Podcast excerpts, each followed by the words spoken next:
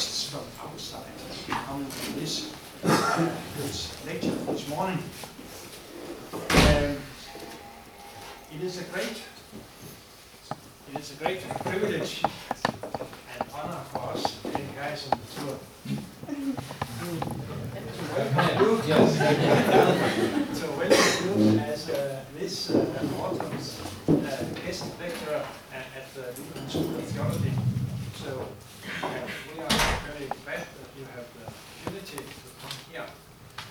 Um, Van Hansen is professor, was professor in psychiatry in uh, Bristol in uh, Wales, uh, Great Britain. England.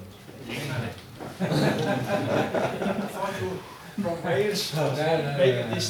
Distinction, clear distinction between Wales and, uh, but I know you are from England, yes, so that's yeah. correct. Yes.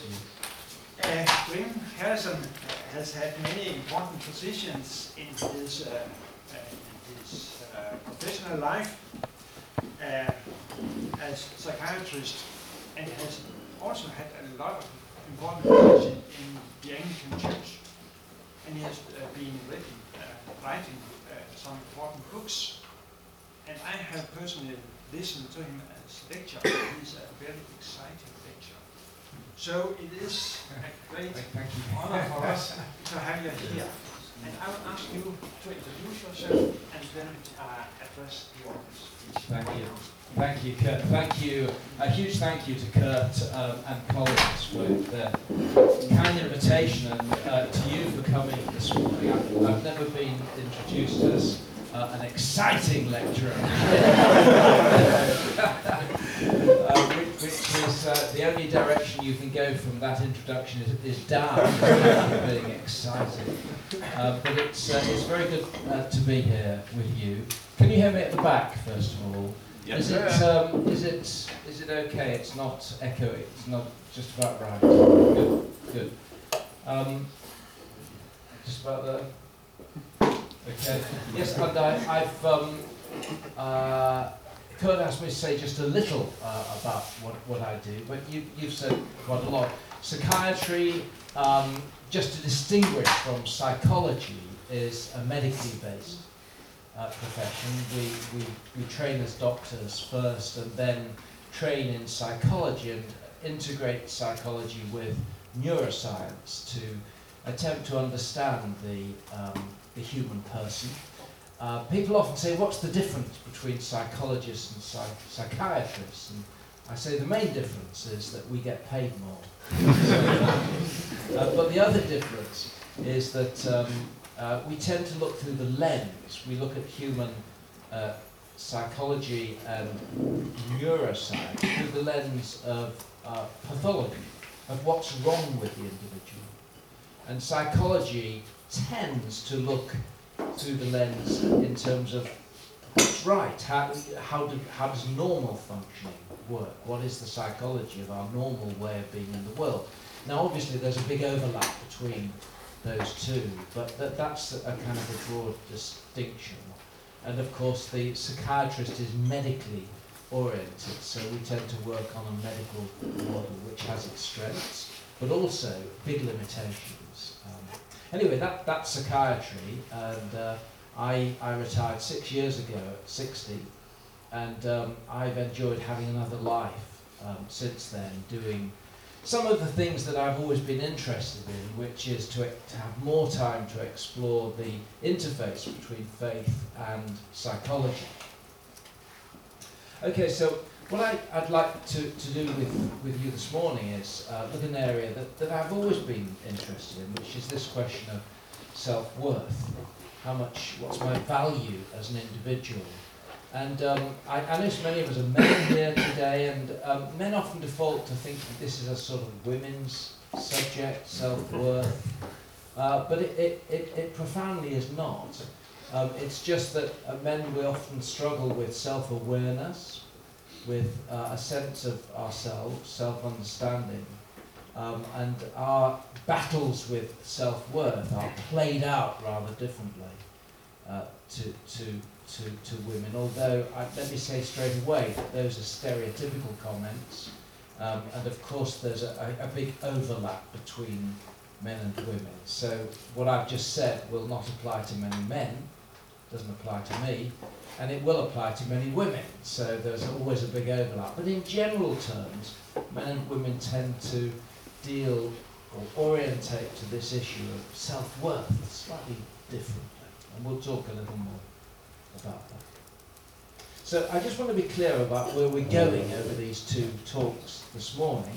The question we're asking together is how does biblical teaching about our identity as Christians affect the way we think about ourselves? How does it shape self-understanding, especially in relation to the question of self-worth, value, the size of our um, sense of ego and self?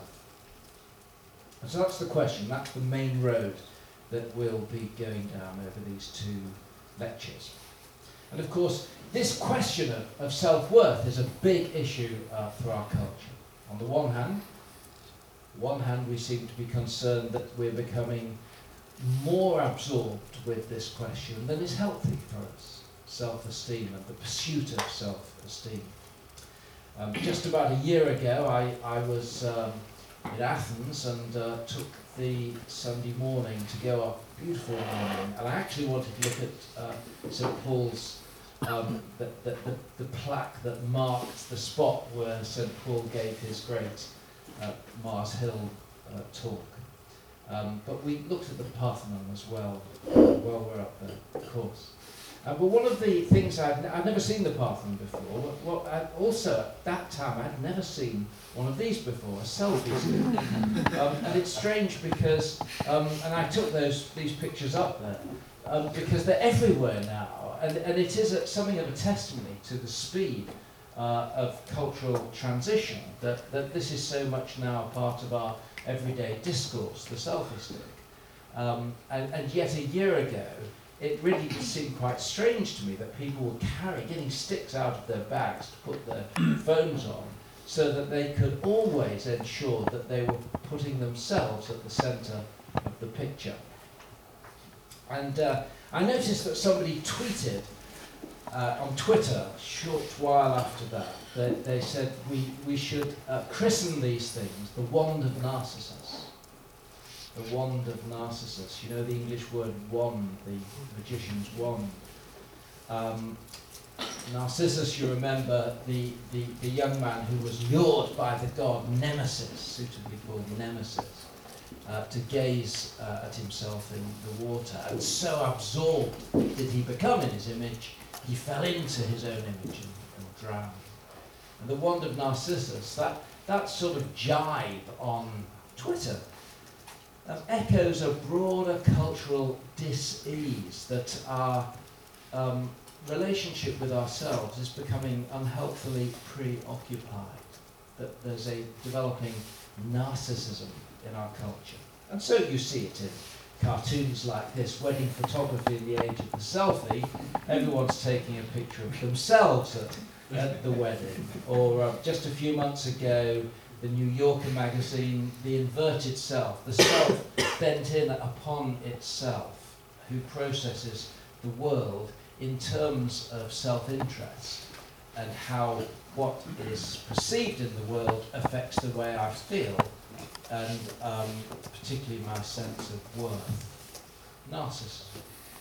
And uh, we do notice a number of quite marked social trends. This is the work of the psychologist Jennifer Twenge, who has tracked attitudes toward the self over decades by merging big data sets. And her work is really quite, I think, quite robust.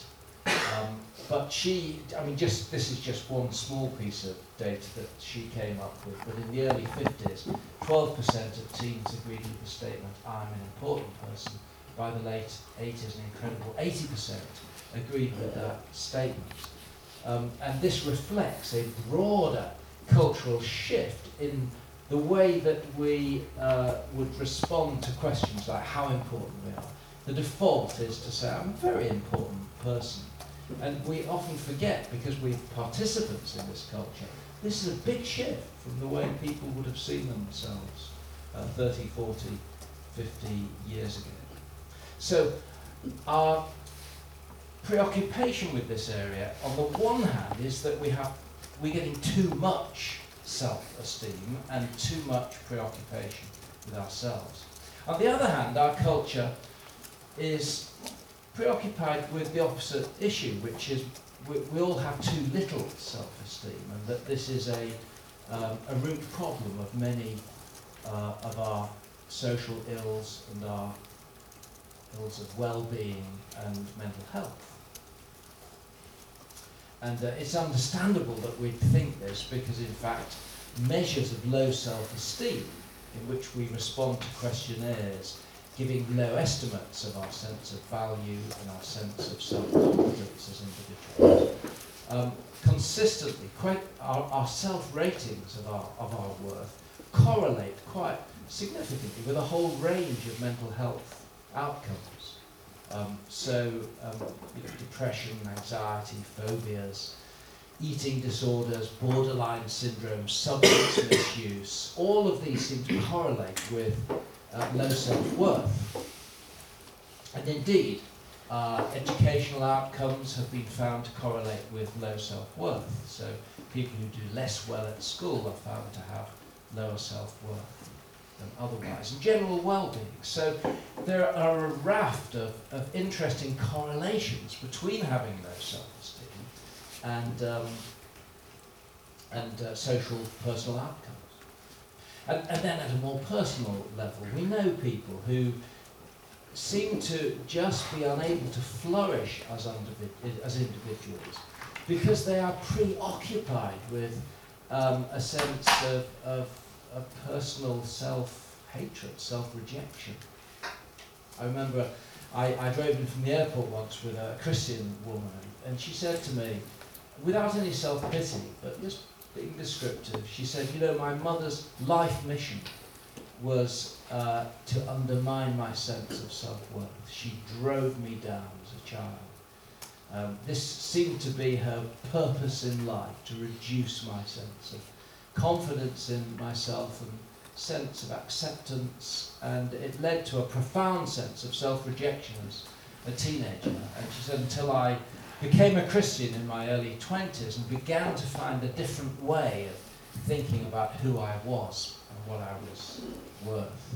And there are lots of stories about that, and it'll be the story of some of us here in which personal histories have been driven down or beaten down, abused as children and so on, cultivate, nurture um, in, in our spirit um, a profound sense of self-rejection, self-hatred even and it's very difficult to flourish in those circumstances. Um, on the one hand, um, it's hard to, to have a sense that we're that anybody would want to love us, and so relationships are harder. It's harder relationally as well because who would want our love? because we're worth so little. So we have little to give in love, we have little to receive because we're not worthy of it. So relationships are harder to, um, healthy relationships are harder to pursue. And competency as well becomes somewhat more difficult in, in the sense of having confidence in, in skills and our ability to contribute to the world. Because if you're worth nothing, who would, who would value your contribution, your skill, your gift? So you have little gift. So this sense of worth does seem to be underpinning of both relationships, healthy relationships, in which we feel we have something to give, something to receive, in terms of love, intimacy, and also competency, in the sense of um, having something to contribute, that we can make a difference.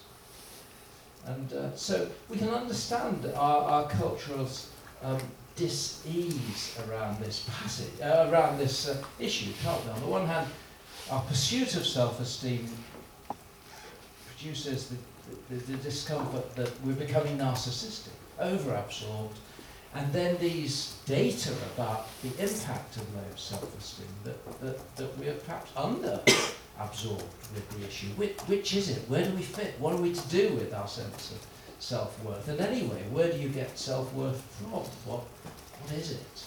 Big questions. It turns out, actually, if, for example, you look at John 13 in, in the Bible, a famous passage where Jesus washes his disciples' feet. that this isn't a contemporary issue at all.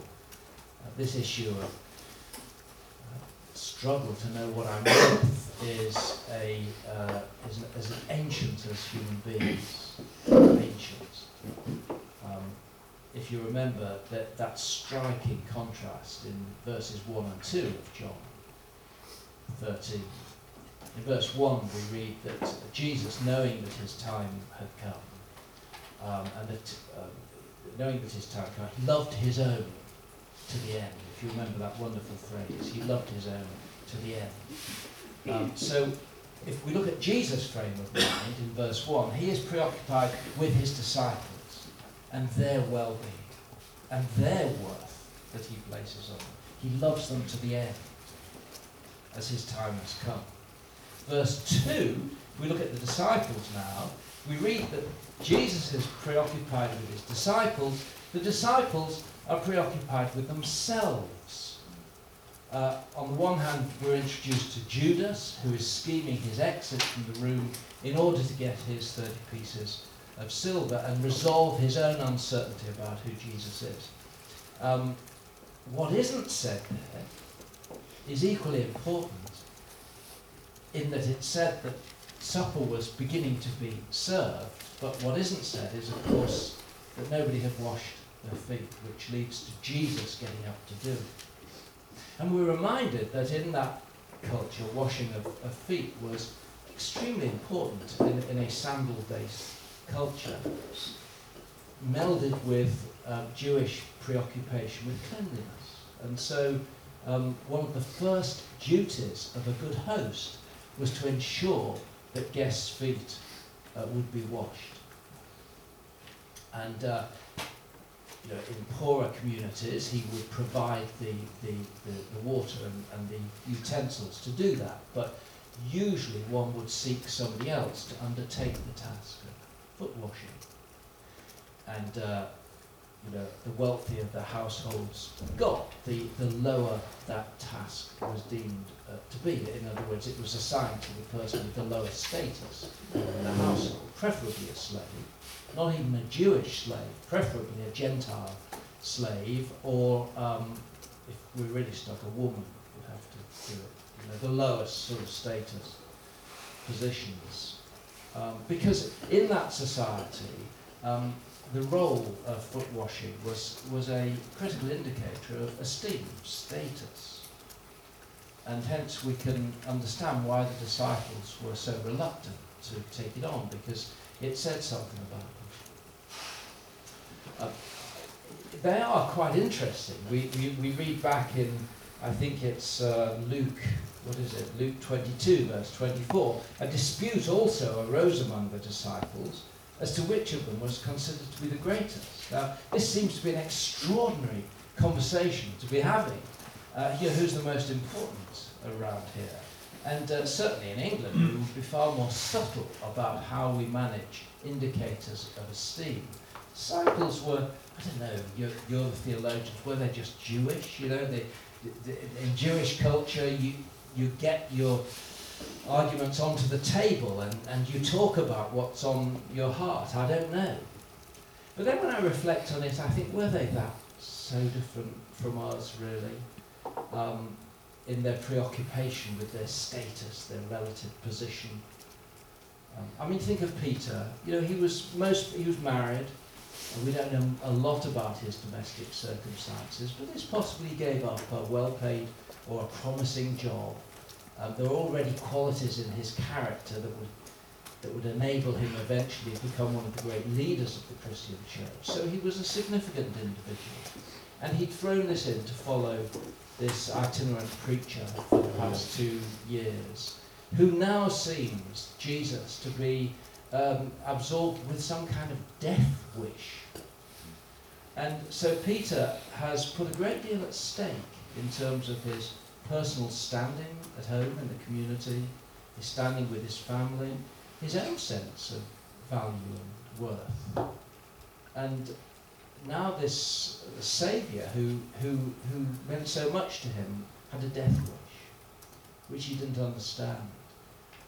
and I think we can understand why in verse 8, when Jesus gets to Peter with the bowl to, to wash the dirt between his feet and the dung, um, Peter says, You'll never wash my feet. Because by Jesus doing this, this was part of the shock in the room, he puts at, at, at risk the, the entire reputation of the disciples. Because um, messiahs don't wash feet, gods don't wash feet. And if you wash feet, then who are we in terms of our standing status? You'll never wash my feet. It profoundly torpedoes who, who we are and what, what we're about. And then, so that's Peter. Then there's John, the youngest. You know, it, I'm speculating now, but John is the youngest, maybe a little fed up of always being the one who gets picked on to do the jobs that nobody else wants to do. And he's decided he's going to stick up for a bit of self-respect this time. Let somebody else wash the feet, not me. And part of us would admire him for that. Um, and so those were the kind of emotions that were swirling around this room, and they may be a little more overt and on the table than, than, than in our culture. But, but have you never found yourself in a conversation dropping in information that strictly is unnecessary, but you perceive that your status, your position relative to others is falling? You're making little contribution, the position of others seems to be, and, and so you need to feed in some information which re-establishes your sense of position, and status in, in this particular uh, conversation. Have you never um, found yourself, um, you know, you go to a conference, pastor's conference, a torture for some pastors because it's all about how big is your congregation versus mine, um, you know, how many you have at your alpha groups or discipleship groups, what's happening at your church versus mine. And so our, our work becomes uh, an indicator of our worth, and we find ourselves uncomfortable, uh, but also talking up our numbers. I always say there's numbers, and then there's Christian numbers. The two don't always agree. How many we have, and how many come. Often of a sort of a power play to establish our. So maybe we can identify with with the disciples a little more as we can identify with some of these cultural preoccupations. Okay, so where where do we go with this? Where do we go from here? Well, what I want to do over the next um, remainder of, of this lecture is, is I'd like to make an argument to you. I'd like to try to convince you that there is an importance in self-worth, that self-worth is, is a not unimportant issue. You see, some Christians respond to this by this, this concern, this preoccupation we have, by saying we're, we're far too preoccupied with ourselves. We need to stop thinking about ourselves and look at Christ and cultivate the art of self-forgetfulness. You see, and I think there's something in that, um, but but it does carry dangers as well because it is important to have a balanced, healthy sense of self-worth because. As we've seen, it does underpin good relationships and it does help underpin competency and effectiveness if we have this inner sense of worth. So I do want to defend that, that self-worth is not unimportant and we need to have a balanced, integrated sense of worth. Okay, so that's an argument I'm going to make. But then second, I, I want to differ with our secular culture about how it's developed this sense of self-worth. So I want to argue for its importance, but then I want to argue for a different way in which it's developed and experienced from our culture. And that's where we're going with this. But what I want to show you now is how our culture pursues self-worth. And uh, our culture tends to think like this. If low self-worth is the problem, and it seems to correlate with um, mental health problems and educational outcomes and so on. So if self-esteem is the problem, if correlation equals causation, which is a big assumption, then boosting self-esteem must be the solution. You see? And so we make the pursuit of self-worth the main road of mental life, of our life's project. The pursuit of self-esteem in our inner world becomes our superordinate goal, our life's goal. And so we organise mental life around that goal, the pursuit of self-esteem. And in many ways, this is what our culture has encouraged over the past few decades. It seems so important, it becomes the main road. Now, I think some of us may see a, a, a, an emerging problem in this, because it, it, there are parallels in happiness. So if unhappiness is the problem, then the pursuit of happiness is the solution. But as we all know, the more you go after happiness, the more elusive it is, because happiness is a byproduct of something else. It may be that I've just given you the spoiler as to where I'm going, because uh, our culture certainly makes the pursuit of self-esteem um, its superordinate overriding goal, and so self-esteem is guaranteed to make you think at least twice as highly of yourself. So uh, I, I'm going to talk about four ways in which our culture pursues self-esteem. The first is by being seen, that, that, that we resolve this issue of, of self-worth by presenting ourselves, increasing our visibility socially.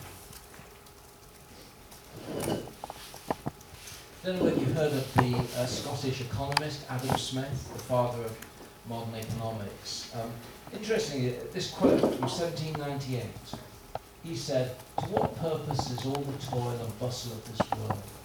What is the end of greed and ambition, the pursuit of wealth and power, preeminence? Is it to supply food and drink and clothes? You know, the wages of the poorest labourer can provide the basics in life. So, what then are the advantages of that great purpose of human life, which we call bettering our condition? What drives us on? Why do we, why do we want more? His answer is to be observed, to be attended to, to be noticed. And of course, he's oversimplifying here because, because there are other drivers, other motivation for ambition. But, but this is, as Adam Smith saw it, a powerful motivator. The human desire to be noticed, to be validated socially, to be seen.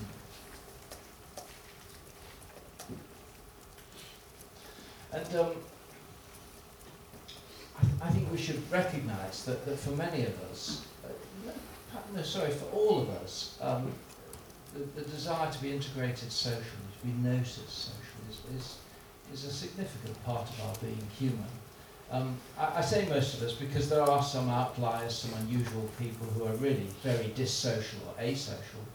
But, but for the majority of us, we came here this morning, none of us wanted uh, as we sat down on either side to turn away to the neighbours and never look our way. That we, we came wanting to, to be noticed, to be part of the situation, social.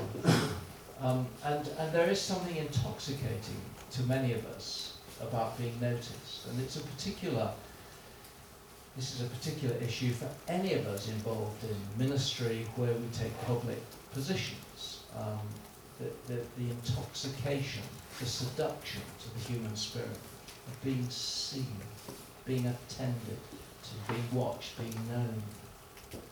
Um, and um, we tend to, um, and, and maybe this is one of those male-female general differences, men tend to pursue being noticed in very hierarchical ways. So status uh, is extremely important for us. And the thing to, to note about social status uh, is that it makes us feel very good, first of all. Two things to note. It makes us feel very good. It makes us feel good is because, of course, socially, it comes with all kinds of social goods. It comes with uh, various um, rewards that recognize our relative status. So we get the bigger house because we give more money, within the parking space, we get the larger office.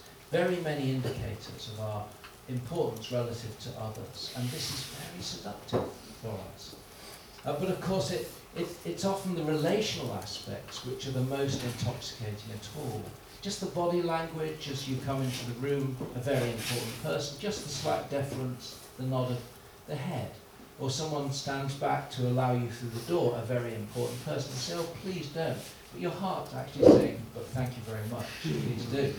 And, uh, and, and, and being above is a, is a strong validator of, of our sense of worth and value because it's been given to us by other people and it's been um, made organic, made real in social relationships.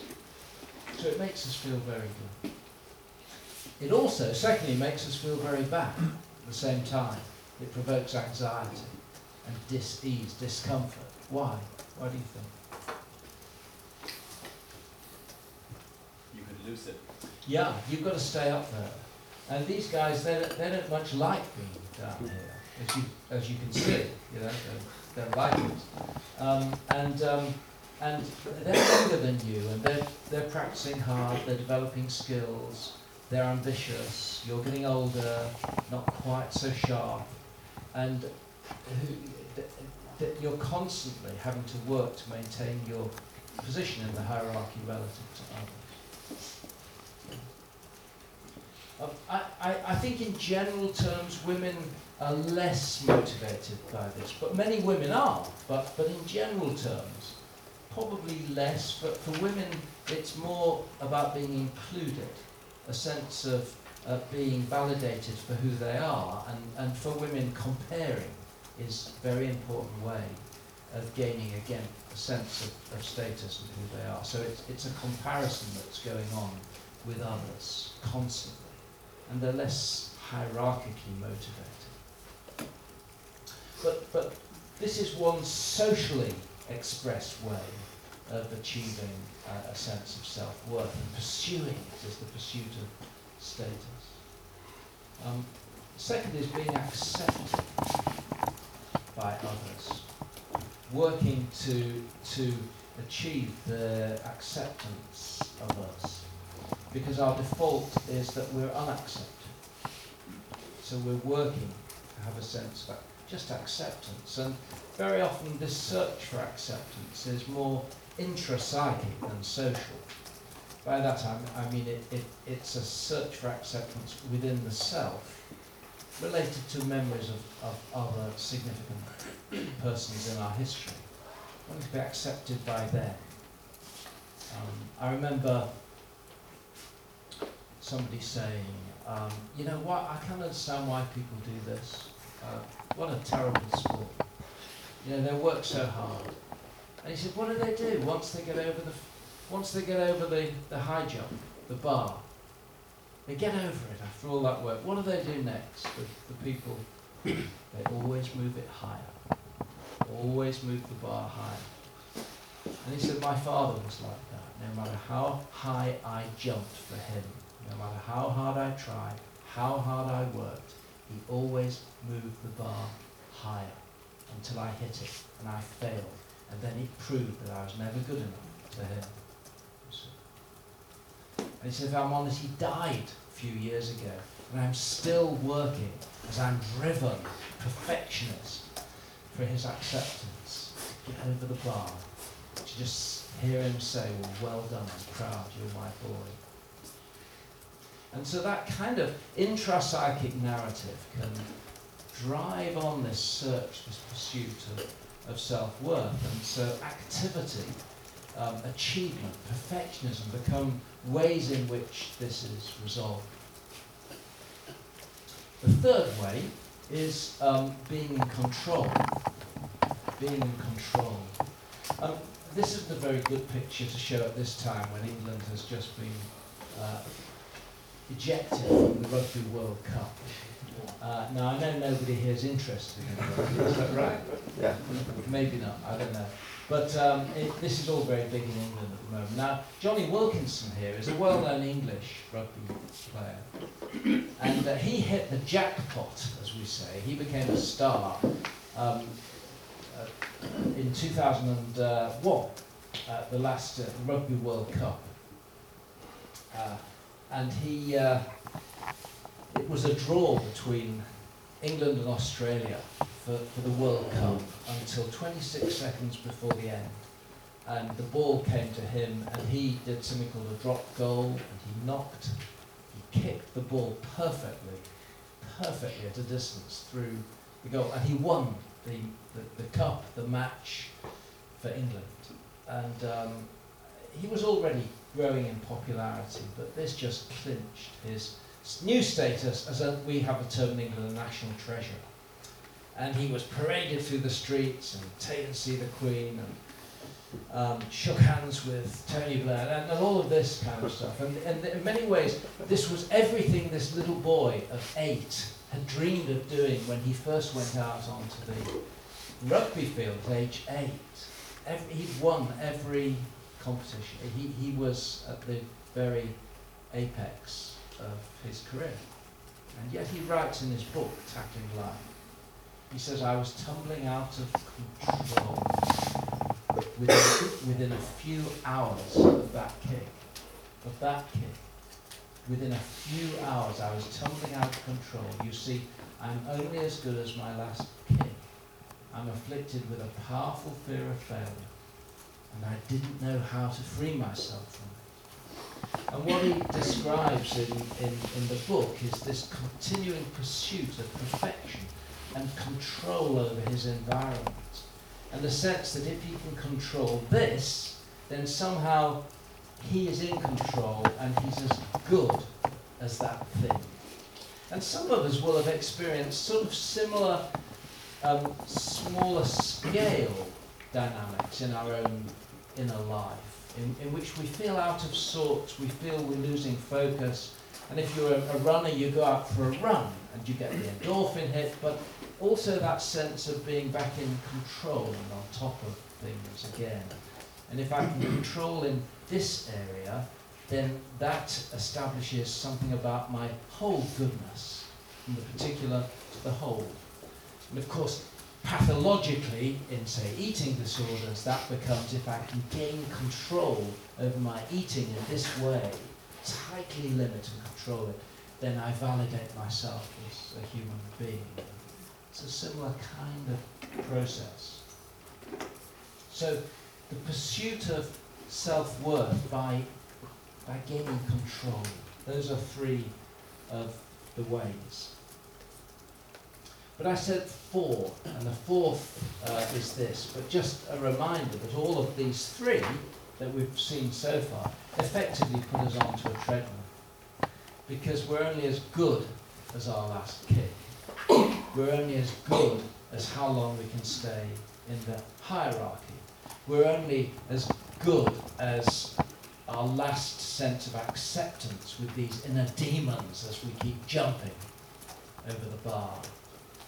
And so we're on a constant treadmill of drivenness, achievement, the search for self-worth, which is just never ending.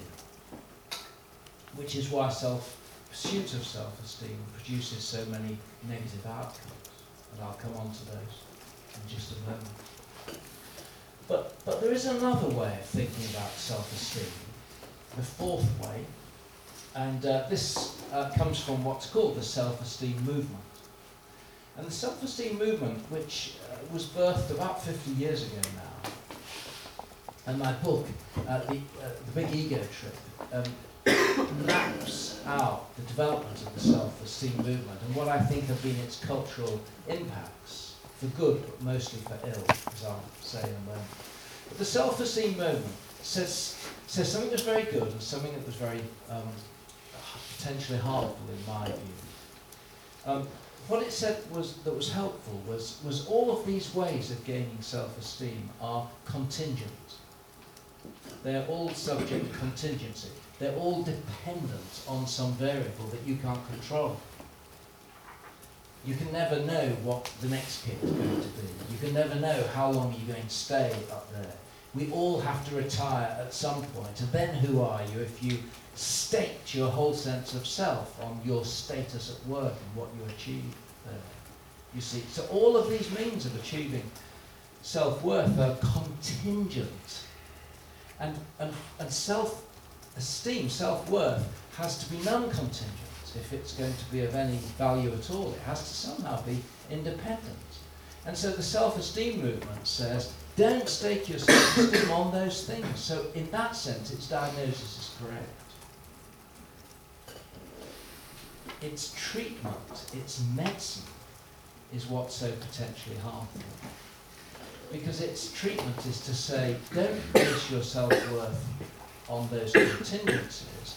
Instead, you say what your worth is. Self-esteem.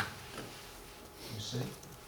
And so the self is, in theory, released to declare its own worth, to assert its own worth and to build out from that. That is the mission of the self-esteem movement, the assertion of the worth of the self. And th- this gives rise, for example, if you go to the American self-esteem movement's website, this gives rise to a, a number of techniques in our culture to sort of boost our sense of worth. And one of the ways is by simply asserting it existentially. You simply state it. And so you get cards and reminders that, that help you assert your worth. Um, I love me, you see. Have a little quiet time. It's about me every day. And love yourself. Nourish yourself. Um, and of course, in its extreme um, form. You, you see it in the Joel Osteen movement. You know Joel Osteen, the big American pastor, and it's a very interesting video to see his wife do her famous introduction to a service where she says, We're not here to worship God. God doesn't want us to worship Him. We're here to worship ourselves, you see. And this is the ultimate sort of hijacking of Christian faith in the service of the self esteem movement. Uh, because I Love Me is, is seen as a core mission, a core project for the human soul. Um, uh, I am powerful, unlimited, certain, strong. I, I attract positive people and events into my life now, you see. Um, and uh, if you're of a religious turn of mind, you can get a bib for your baby here. Um, I may be little, but to God I'm big stuff. You see. And, um, and, and, and, and what, you know, I saw one of these T-shirts. Um, God, when God uh, made me, He was just boasting. Um, and, and this is the kind of Christianization of much of, of this kind of thinking. And it, it gives rise to the whole, I'll, I'll, I will stop in a second, yeah, pick, pick that up, thank you. It gives rise to the whole I'm special movement. Now, in a way, we, we are unique. Every one of us is unique, and and my grandson is very special to me. My grandchildren, rather, are all very special to me. I love them. I'm passionate about in my love for them. Really special to me. Uh, but I don't want them to grow up thinking they're going to be special to everybody else.